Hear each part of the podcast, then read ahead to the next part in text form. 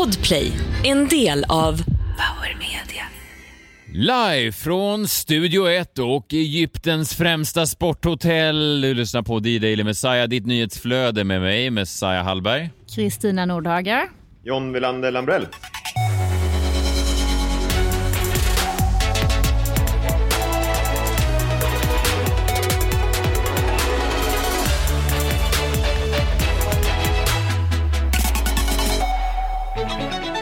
Jo då, eh, det är ju en eh, internationell produktion det här. Ehm, du John befinner dig i eh, Sverige och jag och Kristina har begett oss till faraonernas rike Egypten. Vi sitter även utomhus ska jag säga så att det, det, det går förbi både egyptier och diverse chartersvenskar som som inte förstår att det är en eh, viktig eh, produktion det här utan att de, de gör ljud samtidigt som de ser mikrofoner. Så att det kan hända att, det är, att ljudkvaliteten är liksom, att det blir vissa störelsemoment men då får vi acceptera det. Det flyger även flygplan här ovanför. Oj, oj, oj. Det är som att få inblick i en helt ny värld.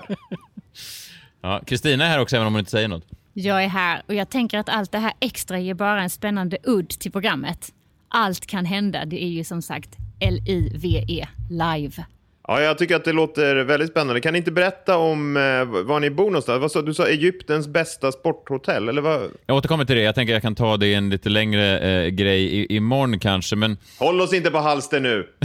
Har du sagt A får du säga B. John, jag kan säga en sak då, om jag inte vill säga det. Det här är Afrikas största fitnesshotell. Mer än så får du inte idag. Jaha. Ja, en, en, teaser om jag någonsin har hört någon. Vi eh, börjar med lite glada nyheter. Vår eh, kollega Klara Doktorov, minns du henne John? Ja, ja. ja. Hon har ju fått då en, eh, en bebis äntligen. Vi har ju, det är därför hon inte varit med i programmet så mycket på sistone. Hon har varit gravid om det har gått någon förbi. Och då 9.08 i onsdags morse så födde hon en liten, ja, en liten flicka. Hon hade döpt eh, då ungen till Poppy Rita Josefina doktor och då misstänker jag att då är Poppy då eh, tilltalsnamn. Ja, och det är precis som i Trolls. Kommer du ihåg den tecknade filmen? Hon heter ju Poppy, trollet Poppy. Minns du den Jan? Minns du den eh, tecknade trollfilmen? Nej, den minns jag ej. Om du inte har sett den John så är det hög tid. Trolls heter den, mycket bra. Finns på Netflix. Den har ni sett? Eh, ja, den har vi sett många gånger. Även Trolls 2. Men eh, Poppy är ju eh, ja, ett intressant namn. Jag ska inte, man kan inte ens lägga någon värdering i, i namn på barn. Så Poppy är ett spännande namn. Jag vet inte riktigt vad det är för typ av människa som heter Poppy. Jag tror aldrig jag träffat en Poppy som, har, som inte har eh, missbrukat en massa. det, låter, ja, men det låter som antingen artistnamn eller missbrukare. Ja. Poppy i Trolls älskar att uh, pyssla och sjunga och sprida kärlek. Ja, vad fint. Det låter väl jättebra. Ja, men vi gratulerar Klara såklart och Kjell och eh, hoppas att de eh, kommer tillbaka eh, någon gång, även om man ganska snabbt vänjer sig. Men det är väl kul nu, hon har alltså blivit fembarnsmamma, eh, Klara Doktorov. Vadå vänjer sig? Ja, men man vänjer sig att hon inte är här. Hon brukar ju vara... Hon, ja, det då någon... saknar man väl ännu mer? Ja, precis. Det är det man gör. Man saknar ännu mer. Det är det vi gör och det är därför, vi, det är därför vi är glada att hon snart är tillbaka. Det är en tunn linje mellan saknad och att vänja sig. Mycket. Verkligen. Vi är i alla fall i Egypten, faraonernas rike. Ni vet eh, alla de här eh, stora eh, faraonerna vi känner till. Keops till exempel, Kleopatra och Ramses. Var han en farao? Han var absolut en ja. farao. Det är mycket möjligt att han var det. Och eh, man har ju glömt det här. Vi har ju pratat mycket John, du och jag, om, eh, om framtidsmän kontra nutidsmän och hur viktigt det är att vara uppkopplad och så vidare. Jag har ju då eh, hamnat på ett hotell, eller jag vet inte, hela Egypten tydligen har ju wifi är ju då eh, optional. Alltså det, eller eh, wifi-funktionaliteten är optional. Den är, eh, alla har då vant sig vid att leva med att internet när som helst kan lägga av. Mm. Och när man kommer från världens mest uppkopplade land så är det ju nästan en eh, Ja, men det är nästan en drogabstinens när du inte kan göra ditt scrollande som du alltid gör. Det, det blir, eh, det är något sjukt när man kopplas ner hela tiden. Men mo mobilnätet då? Jag håller ju på med det ibland, men att just uh, wifi börjar också bli ganska ute. Alltså någon slags fiber-wifi. Alltså det man använder nu är väl mobilnätet? Ja men grejen var att wifi här är, är, då upp och ner hela tiden. Så därför åkte jag in då igår till en egyptisk eh, supermarket och gick in på en sån mobil eh, operatör och de var lika sliskiga som de är i Sverige, vilket är, är spännande. Men alltså att det är, mobilsäljare är då universellt sliskiga, alltså att, att, det, går inte, det går över nationsgränserna. Och det, jag vet inte vad det säger om någonting. Vad är sliskiga då? Tjejerna hade då slöja på sig så att man såg inte deras sliskighet lika mycket men männen var väldigt så eh, mycket hårgel och liksom de var på gång och de gjorde de här pistoltecknen och kom igen. De, han, kallar mig maestro fast på arabiska. Liksom. Fast när du kom tillbaka var du jätteglad ju. Ja, de är trevliga men de, de är, jag menar bara att det, det, det oavsett land eller liksom BNP eller sånt så, här, så finns det liksom eh, en, en sliskighet hos mobilsäljarna. Men jag förstår inte, han eh, pistolhotade dig? Nej, nej, nej, nej, verkligen inte. Det var ingen sån. Det var ingen svartmålning av en annan kultur, utan han gjorde de här pa pa pa pa tjena mannen. pang, pang, pang maestro. Ja, pang pang maestro. vad, heter maestro på där då? Arabiska? Nej, jag vet inte, men, men, nej, det var verkligen inget terrorhot. Det var inte någon sån grej jag ville säga att det var, jag kände mig hotad. Men de, de löste det i alla fall. Sen kom jag tillbaka till hotellet då, och så märker jag då att den här mobiltäckningen skiftar väldigt. Jag har en plupp då i mitt rum och då gick vi upp till receptionen precis innan vi skulle göra den här inspelningen och pratade med han receptionisten och han sa it fluctuates, verkar det som. Täckningen fluctuates. Jag sa fluctuate många gånger. Det var det enda du sa. Ja, det var det enda jag sa. Jag fick stå längst fram och försöka förklara och så sa Messiah i bakgrunden fluctuates, fluctuates. Vad fan betyder fluctuate? Fluktuerar, va? Vad betyder det? det går upp och ner. Ja. Mm. Och eh, ibland i Egypten så har de en, eh, det finns ju en, eh, en fördom om att de kanske inte alltid är lika tillmötesgående då, eh, en viss typ av hotellpersonal just här. Eller man läser recensioner att vissa kan vara otrevliga. Och eh, han var väl kanske inte jättetillmötesgående. Han var, jag sa så här, it fluctuates. och eh, efter jag då hade förklarat vad det ordet betydde så sa han, no it's impossible. That never happens in Egypt. Fluktuerande händer Alltså, aldrig. bara förklara så jag förstår. Du menar att mobiltäckningen eh, den eh, förändras aldrig i Egypten? Den är samma oavsett vilken punkt du är på i landet? Yes. Och så gick vi därifrån och var lika dumma som vi kom. De har Så att- 6G kanske? Nej, det har de inte. De har knappt 3G. Ja. Men vi är på ett sporthotell och jag, jag teasar den lite till, eh, till imorgon. Berätta vad som egentligen... Men vadå, det var Afrikas största sporthotell? Afrikas största Jajamensan. sporthotell. Du skulle älskat det John. Måste man sporta hela tiden? Eller? Det kanske ni går in på imorgon? Ja, det gör vi. Ja, vi går in på allt det här imorgon. Gud, vilken jävla teaser imorgon. Jag, jag, jag anar redan nu eh, att vi kommer slå alla rekord för lyssningar imorgon. När jag, när jag, Det blir både crossfit och zumba-snack. Jag har också en teaser, i, men, men för ett avsnitt nästa vecka. Så det här kanske blir det stora teaser-avsnittet. Och berätta. Ja, men det handlar om krim imorgon. Att jag kan inte ta det fall som jag hade tänkt att ta för att jag behöver ha er fysiskt framför mig. What? Mm. Why? Det kommer ni få se nästa vecka. Ja, gud vad spännande. Oh. Vilket, ja, stort teaseravsnitt det här. I gårdagens eh, program så pratade vi lite om Bräcke kommun. Bingo Rimér har då varit eh, ambassadör nu i exakt ett år för den kommunen. Och eh, många Bräckebor har faktiskt hört av sig på vår Instagram, at Messiah och även fått mail då till dailymessiah.gmail.com. Det är ju kul, där kan man utveckla texten lite längre än Instagram. Instagram har ju ett maxförbud, men på mejlen då kan man få extremt långa mejl, vilket är härligt. Eh, då är det många Bräckebor som har hört av sig, bland annat en som kommer med lite extra statistik här. 2014 rankades Bräcke som Sveriges sämsta kommun. Va? Och eh, ja, men nu... nu I vad då? ja, av allt, alltså på allt. Av, Bara ja, sämst. ja, sämst. De fick tillbaka en stämpel Sämst. från Ja. Sverige. Från vad? Sveriges kommuner och landsting? Ja, kungen själv gick och stämplade alla som bodde där med sämst i pannan till. Eh, men eh, lyckligt slut. Eh, det, det här var 2014 och nu då eh, sju år senare, 2021, då har de klättrat. Eh, nu är de uppe på 283 av 290 kommuner. Så wow! Åh, grattis. Ja, det- det... är bingo-effekten. Ja, de har gått om då eh, sju andra kommuner de här sju åren, så det är spännande. Om bara 290 år till så kan de vara bäst i, bäst i Sverige. Då är ju Bingo död. Ja, men Bingos barnbarnsbarn kanske kan berätta vem, vilken man som, som vände precis det jag tänkte. Vad heter hon? Bruden? Rumbo. Nova? Ja, Ja, men hon är ju barn, barn bara. men hon är väl populär? Ja, det är sant. Man får ju nästan inte i dessa tider eh, klaga på saker som ses som ilandsproblem. Så är det. Jag vet inte om eh, ni såg eh, Carolina Gynning hamnade i problem. Hon la ut någon eh, bild. Hon var på någon solsemester och folk skrev hur kan du eh, klaga på någonting nu när det är krig i världen? Alltså, hur, eller många skrev även hur kan du vara på semester när det är krig i världen? Det är ju moralisternas eh, paradistid nu. Generellt sett. Nymoralisternas Verkligen. Och Paradise. det har varit det. Vad fan, covid, då, då trivdes de också, nymoralisterna. Att så här, är du ute på bussen din jävel, typ? Ja. Ja, och man, man undrar lite vad de vill försöka komma fram till. Alltså jag menar, det är ju, man måste ju kunna hålla två saker i, i huvudet samtidigt. Jag måste ju kunna klaga på min wifi-uppkoppling samtidigt som jag skänker pengar till, eh, ger bistånd till Ukraina till exempel. Alltså, de, sakerna går att göra samtidigt. Eller Carolina Gynning kan ju vara på semester samtidigt som, som det pågår ett krig någon annanstans i världen. Det, det är ju inte så man stoppar krig. Jag menar, det var inte så andra världskriget tog slut. Det var inte som att Hitler till slut gav upp när, när Roosevelt och Churchill bestämde sig för att stoppa in liksom, resväskan i garderoben. Carolina Gynning avbokade sin semester. Alla måste ju såklart få göra som de vill. Plus att i en sån här kris som det ändå är då för många eller för, för alla så är det så himla viktigt att man får andas. Alltså att man får göra någonting annat, tänka på något annat. Det är precis som när du är i djup sorg.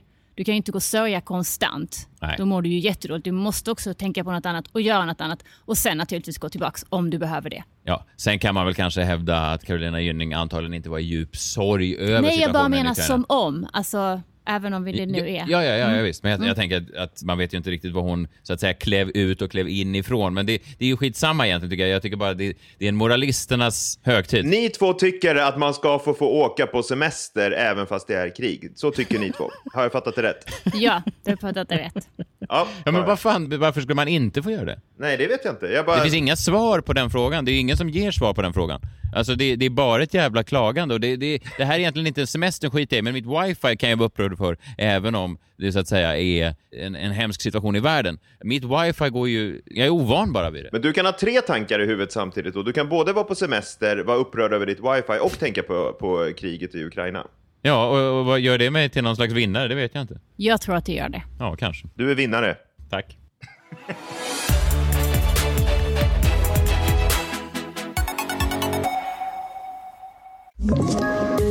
Poddtips från Podplay.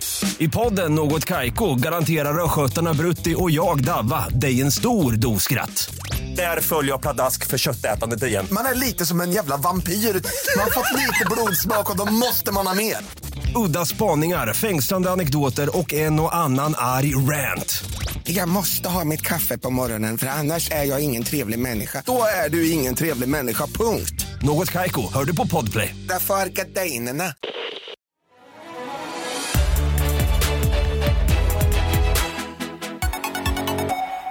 Kristina Nordhager, eh, ditt nya segment blev ju en hejdundrande succé får man säga. Alltså, Åh, men tack! eh, jag vet inte om någon har missat det. Du, du klev ju på här. Svårt. Ja, det är svårt att missa Ja. såklart, men, men, men det är ju... eh, Du klev på här i förra veckan och direkt så kände du att du ville ha ett eget segment. Eller du, du sa snarare att folket krävde det. Ja, det var väl snarare det va? Ja. Jag ville ju inte ha det. Men jag var tvungen att ge vika till slut, ja. Det är klart att man ställer upp. Och eh, det blev ju Kristinas kvart. Ja. Vissa har hört av sig och, och, och kanske sagt att du kanske inte behöver rulla så mycket på ärenden. Jag, jag tror man kan ha svårt för om man inte är van vid skånska, men... Vet men, du, det är eh, lika många som har hört av sig och sagt att de tycker att jag ska rulla mer. Ja, det vet jag inte om det är. Är det verkligen det? Det är konstigt, vi har en egyptier bakom oss nu som ju högre jag pratar i min poddinspelning, ju högre pratar han också. Det är Alltså- spännande tycker jag. Ja, fast han är ju inte bunden till mikrofon, så jag tror att det är bara en sån maktkamp som pågår nu. Det är någon slags alfa-kamp. Ja, Vem ska bli den stora alfan? Vem vinner? det är det talk-off. Han, han ska visa att han kan också Men- prata, han behöver inte ens en mikrofon. Han bara sitter och pratar rakt ut, eller? Jag tror han pratar i mobil, men han är, ju- det är en mo- portabel mobil. Jaha, hans mobilnät funkar alltså? Men han har väl något annat? Jag, jag gick alltså och köpte ett egyptiskt... Äh, skitsamma. Kristinas kvart, supersuccé. Och du slutade då eh, senast med en cliffhanger. Vi la ut en Instagram-omröstning. Eh, du gav då eh, två eh, potentiella fortsättningar till den här historien om ditt liv. Den ena eh, handlar då om ett, ett mord på en bekant till dig eh, där maffian var involverad. Det här utspelar sig på Sicilien mitt under då ja, den sicilianska maffians högtidsperiod kan man säga. Ja, precis. Eller, eh, 80-talet, 1980. Och- Eller alternativ två var då eh, en hotellgäst som nyste av sin arm. Mm. Och vi la ut det här på Instagram, det blev en omröstning, det var en väldigt spännande omröstning. Eller nej, det var inte jättespännande. 72 procent valde då ja, armen som nystes av. Så grattis till... eh, till, till, den. den är, Här vet jag inte om det finns en vinnare, men ja.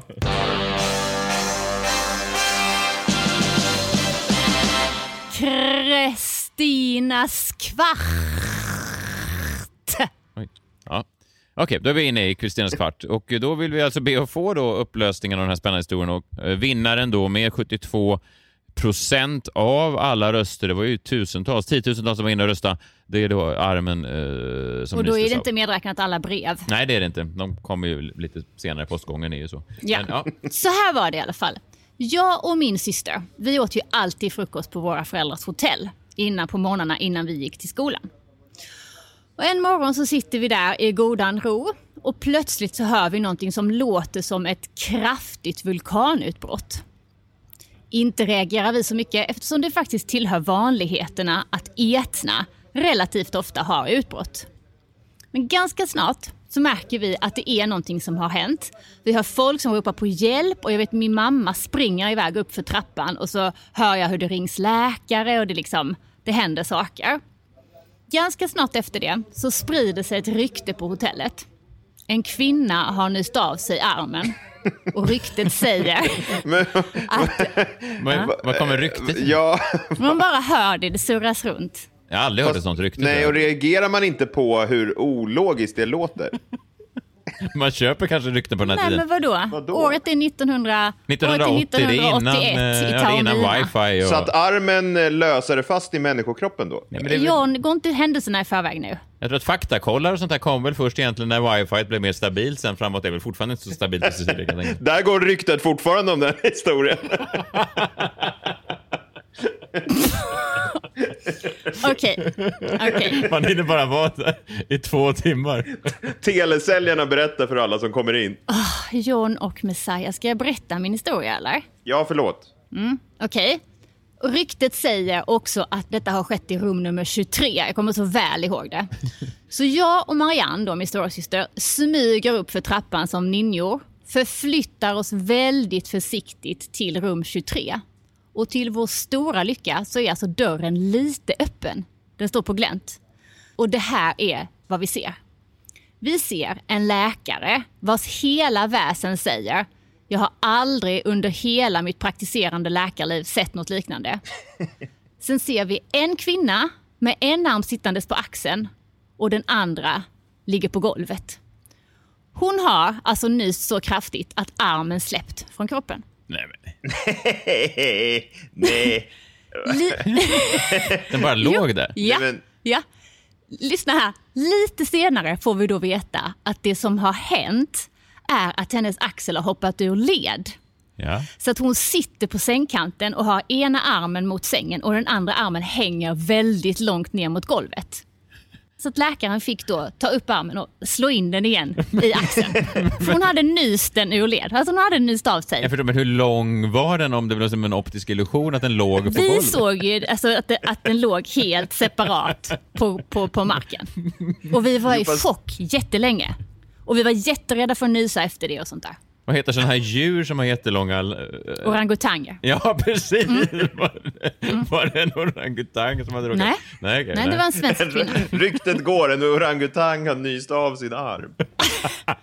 Inne på rum 23. Vilket rum, vilket rum! 23. Du minns väl vilket rum apan bokade i? Har vi många, har vi många apor som bor här, Giuseppe? Ja, vad tyckte ni då? Bra historia eller? ja, ja, det, ja, det var bra. Ja, den är bra, men kan, den, kan det verkligen stämma? Ja, men att en axel hoppar ur led, det är väl jättevanligt. Det gör det varenda dag. Alltså Ja. i Sverige. Ja, ja. Det är ju inget konstigt. Och sen så satt hon då lite knäppt antagligen så att det såg ut som, och eftersom vi då redan hade hört att någon har nyst av sig armen, vi var, och vi var ju också barn, alltså jag var ju sex år gammal. Ja, jag förstår. Men, ja, Mm. otroligt. Men man vill ju också höra den andra historien. Kommer man inte få det nu? Åh, vill du ha den? Om du vill ha den ska du få den imorgon. Jag vill. Åh, vad kul. Och du, en annan sak. Det är jättemånga som har frågat så här, varför heter det Kristinas kvart? Är inte det och, ganska... och det enkla svaret är för att den är en kvart lång. Kvarten. Och till er som upplever den lite kortare vill jag bara tacka. För att som ni alla vet går ju tiden fort när man har, vad de vill säga? Roligt. Exakt. Det är inte som Kristinas kvart, alltså som Kristinas knarkarkvart. Alltså att man går hem, alltså att man är hemma hos dig ett tag. Nej. Nej, fast man... Det trodde med, jag. Med, tank, ja, med tanke på rubrikerna på de här storiesarna som utlovas så är det nästan mer troligt. Välkommen hem till Kristinas knarkarkvart. Vill du höra storyn om armen som nystes av? Det är rum 23. Eller ett mord på en polare?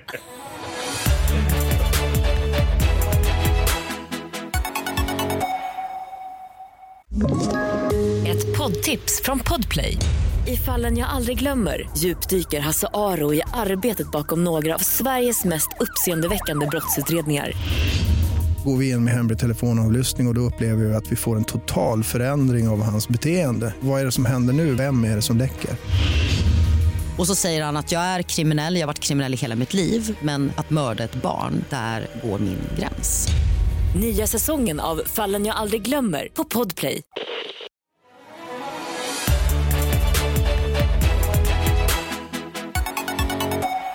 Du och jag, John, vi ska ju, eh, om allt går som det ska, till eh, USA, till Texas om några veckor. Därför har jag nu... Visste du inte om det? Ska du till Texas om några veckor? Ja, eh, det ska jag. Och därför har jag tittat närmre på USA i dagens minut.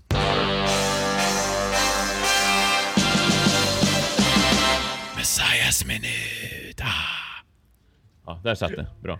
Ja, I och med att vi ska till USA så har jag då eh, sett två stories som gör mig...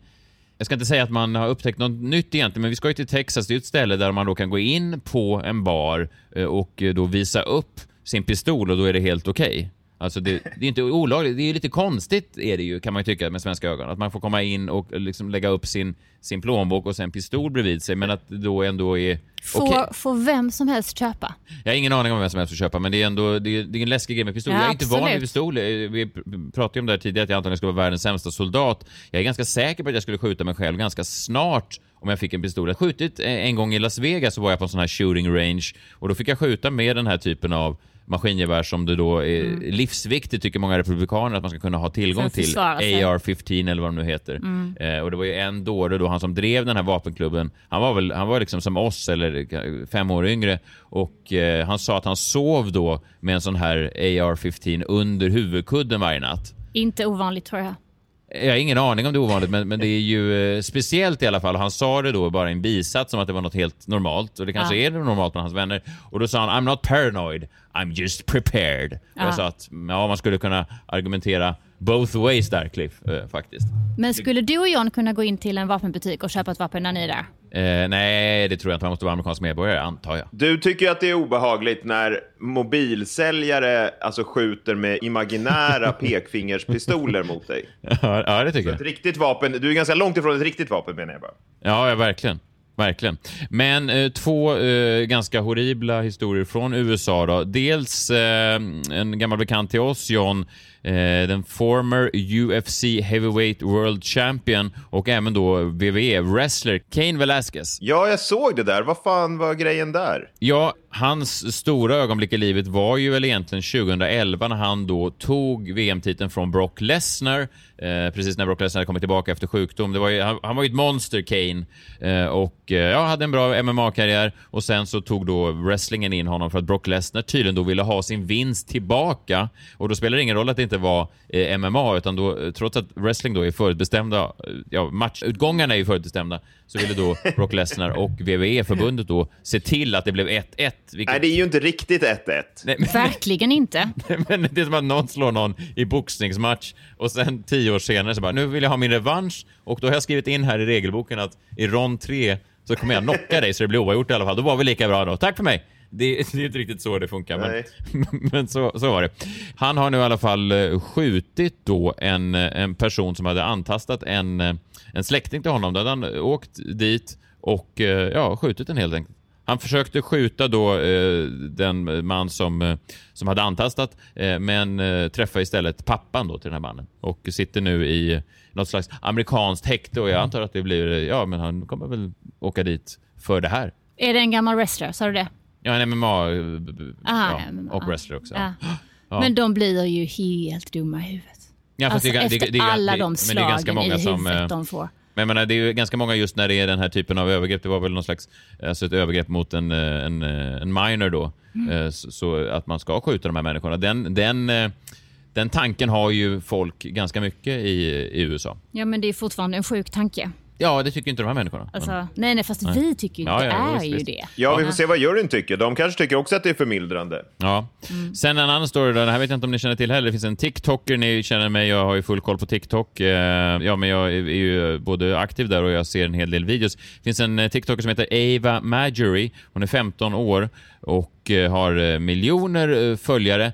Och hon fick då en slags stalker efter sig, en jävligt obehaglig typ som följde efter henne, eh, skrev mer och mer till henne. Sen dyker han då upp i eh, familjens hus, vid familjens hus och är beväpnad. Och då går alltså Marjories pappa Rob ut och skjuter honom. Ja, det är starkt alltså.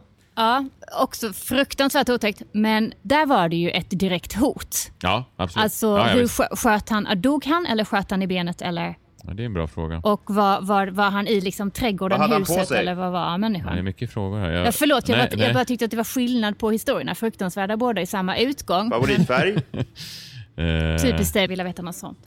Han hette Eric Rowan Justin och han eh, dog. Men eh, ja, det är väl möjligt att han kommer undan då, eh, pappan, på grund av någon sån eh, självförsvarsregel. Så, sådana finns ju. Det här var inte i, i Texas, men det här var i Florida och i Florida får man ju skydda sitt eget hus. Man får ju skydda sin egen property. Men man blir också nyfiken på hur, eh, alltså, hur allvarligt hotet var. Ja, han, Alltså, sköt, han sköt rakt igenom dörren, så att det får man väl säga att det var ganska allvarligt. Alltså angreppspersonen, dåren, sköt in. Sköt in Ja. och då sköt han tillbaks. Ja. Jag förstår. Ja.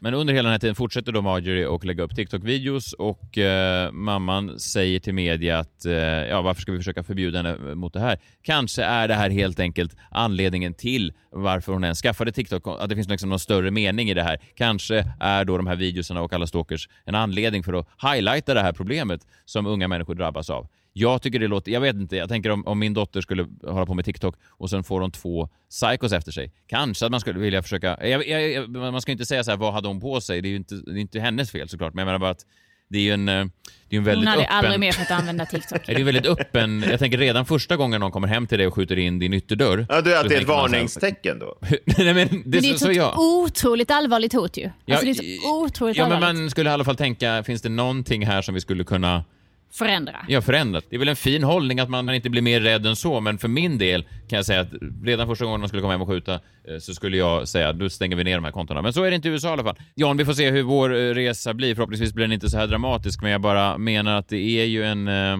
det är en annan värld och det är en värld där folk ganska snabbt tar till skjutvapen. Ja, skönt med lite resepepp.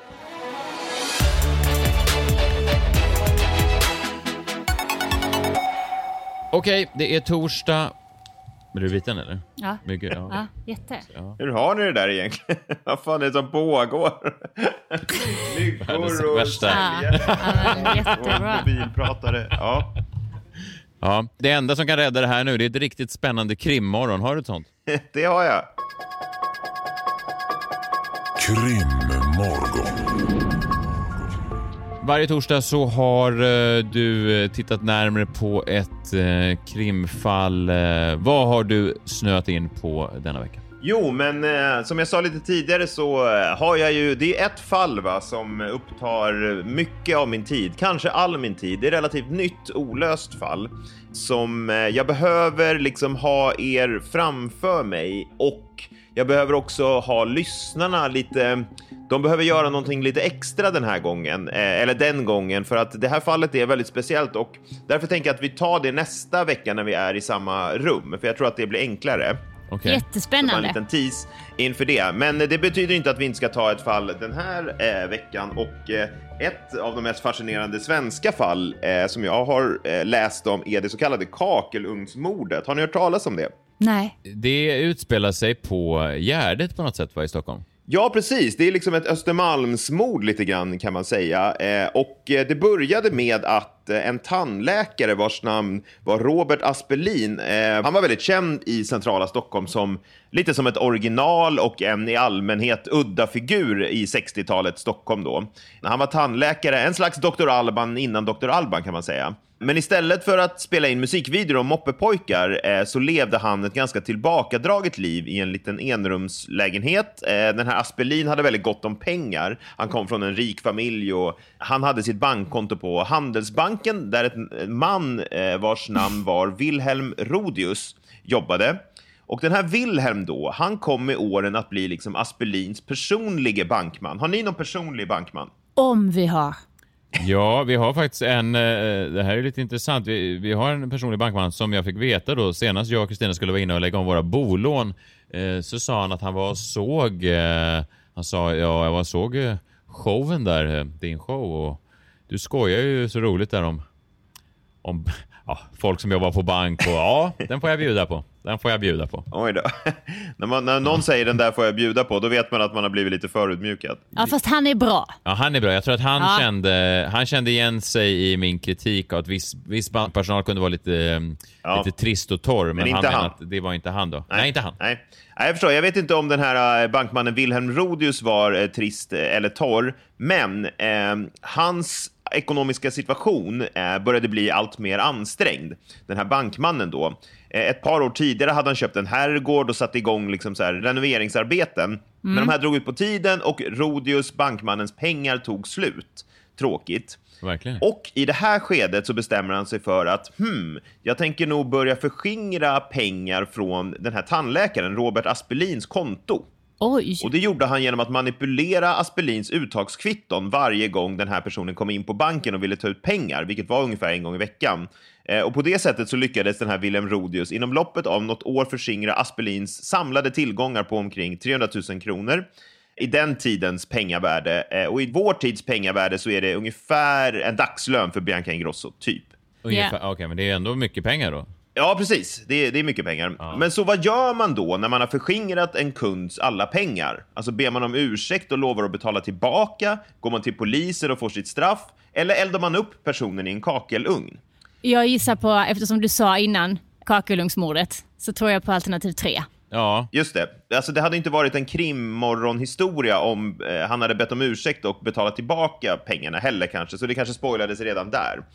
Men när pengarna i början av 1962 på då tandläkaren Robert Aspelins konto i princip var slut, då bestämmer sig Rodius för att jag måste mörda Robert Aspelin då, så att jag kan komma undan med det här.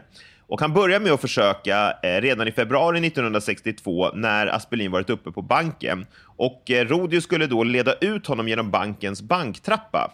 Att så här, låt mig leda ut dig genom trappan. Eh, kanske eh, lite misstänksamt där. Alltså det är ingen som har sagt till mig, låt mig Ja, leda dig verkligen. ner för trappan. Alltså, det kan jag väl göra själv.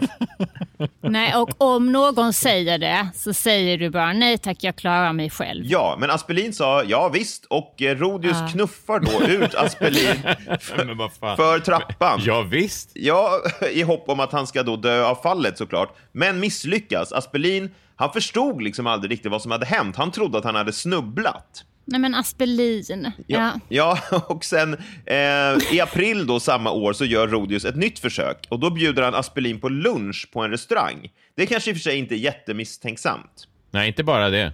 Nej, utan det är ändå rimligt. Men när lunchen var avklarad, då sa Rodius, ska vi inte fortsätta hemma hos mig? Och det tyckte jag låter ändå misstänksamt, för vem fan vill fortsätta en lunch hemma hos någon annan? Nej, det är om man har en sån där eh, liksom drinklunch som sen Ja, fortsätter. alltså det beror på om man lusar. Alltså lunch utan slut. Arr. Men Aspelin sa, ja visst, den här gången också. Så Aspelin följde med Rodius hem, varav Rodius tog fram en knölpåk och slog ihjäl Aspelin med. Eh, sen styckade han upp kroppen. Men, eh, får jag, förlåt, jag, jag avbröt det där mitt i, i styckningen, men jag menar bara... Jag skulle bli misstänksam mot min bankman om jag, så fort jag får höra att han har en knölpåk hemma. Så fort man ser den, ja. Ja, knölpåkar är... Det, det, dyker ofta bara upp i sådana här... När Kalanka reser tillbaka i tiden till stenåldern så träffar han ofta någon urfader till sig själv, kanske någon sån grottoanka. Och då brukar de glida runt med knölpåkar. Då har de alltid knölpåkar. Ja, Ja. men annars det är väldigt... Eh, Vad man skulle- använder man en knölpåk till i Nej. verkliga livet? Det här var ju ett tag, det var ju ändå 60 år sedan, 70 år sedan, så att 60 Du år menar att det var vanligare i samhället då? Att, att, att i, i Texas då innan alla hade automatvapen så kanske man hade en knölpåk under kudden? Ja, precis. Det här är ju motsvarigheten till det kanske. Och kanske att det var vanligt på Östermalm då för att man vill, det kommer in fattiglappar annars, eller jag vet inte. Man skulle ha ut kommunisterna ur porten. Ja, precis. Nej, men så eh, Rodius slår ihjäl Aspelin med den här knölpåken. Eh, han styckar kroppen och bränner upp den i då tre kakelugnar som han har i sin lägenhet.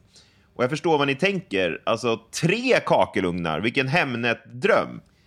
Och det sägs ju att Fredrik Eklund hade varit intresserad av att sälja den här lägenheten precis innan det här hände, men han drog ju sig ur då, eh, såklart. Levde han då också? Eh, nej, men det här Han var farfars Fredrik farfar. Eklund senior. Ja, Ja. jag fattar. Men huset där brottet begicks revs kort därefter, vilket såklart försvårade bevisningen eh, och Fredrik Eklunds försäljning eh, såklart. Men polisen fann då att Aspelin samma dag som han försvann hade varit på bankbesök hos den här Rodius. Och då började polisen kika lite närmare på Aspelins ekonomi och upptäckte snart att en stor summa pengar hade försvunnit från hans konto. De tog in Rodius på förhör och efter en tid så erkände han både förskingringen och mordet. Och polisen trodde liksom inte först på eh, Rodius historia. Eh, de tyckte att den lät så galen. De kontrollerade dess trovärdighet genom att faktiskt stycka en gris och bränna upp den i kakelugnar av motsvarande typ, bara för att se om det här överhuvudtaget kunde göras.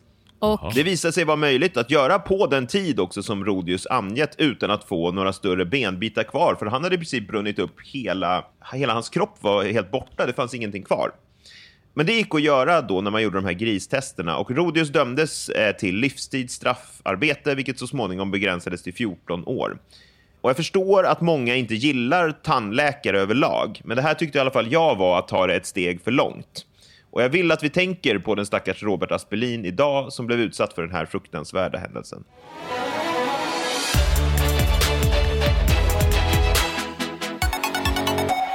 Ja, eh, det blev väl eh, något slags avsnitt ändå. Jag, jag, jag är distraherad av myggor och eh, den här mannen som talar bredvid mig och wifi-uppkoppling och så. Men vi har i alla fall hört varandra. Jag hoppas allting har gått in på band. Hör du det John? På band. Vi spelar in det här på ett väldigt analogt kassettband och sen ska jag då föra hem det med kamel till Sverige. Får vi se om det hinner dyka upp där 04.00 i podcastspelarna. Vi har teasat en jäkla massa idag. Jag vet inte, kommer inte ens ihåg vad det var vi skulle teasa. Eller, eller du teasade för ett krimmorgon nästa vecka. Ja, men det kommer bli otroligt. Ja, otroligt. Okej, nästa vecka då. Men även imorgon då, fredag. Jag kommer prata mer om eh, Afrikas största sporthotell. Vad förde mig hit? Eh, vad gör jag här? Och framförallt, vem är gladiatorn som plötsligt dök upp bakom mig?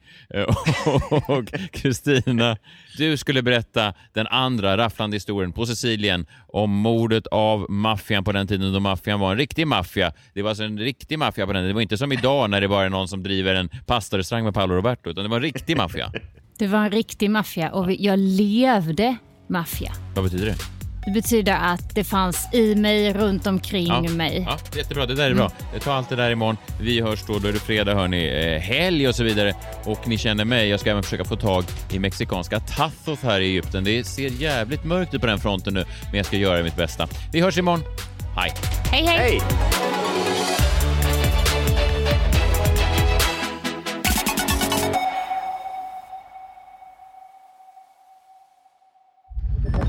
Podplay, en del av Power Media. Ett poddtips från Podplay. I podden Något Kaiko garanterar östgötarna Brutti och jag, Davva, dig en stor dos skratt. Där följer jag pladask för köttätandet igen. Man är lite som en jävla vampyr. Man har fått lite blodsmak och då måste man ha mer. Udda spaningar, fängslande anekdoter och en och annan arg rant. Jag måste ha mitt kaffe på morgonen för annars är jag ingen trevlig människa. Då är du ingen trevlig människa, punkt. Något Kaiko, hör du på Podplay. Därför är gardinerna.